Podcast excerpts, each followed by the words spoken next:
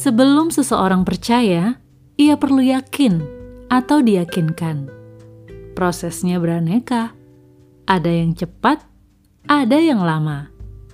Ibarat kunci, posisinya harus pas, sesuai, agar terbuka jalannya. Sebab keyakinan itu nggak bisa dipaksakan, harus timbul dari dalam dirinya sendiri. Walau mungkin karena melihat contoh, lalu menjadi yakin atau terinspirasi. Jalannya pun beragam, perlu kreativitas dan hati yang terbuka agar dapat melihat sesuatu di luar kebiasaan.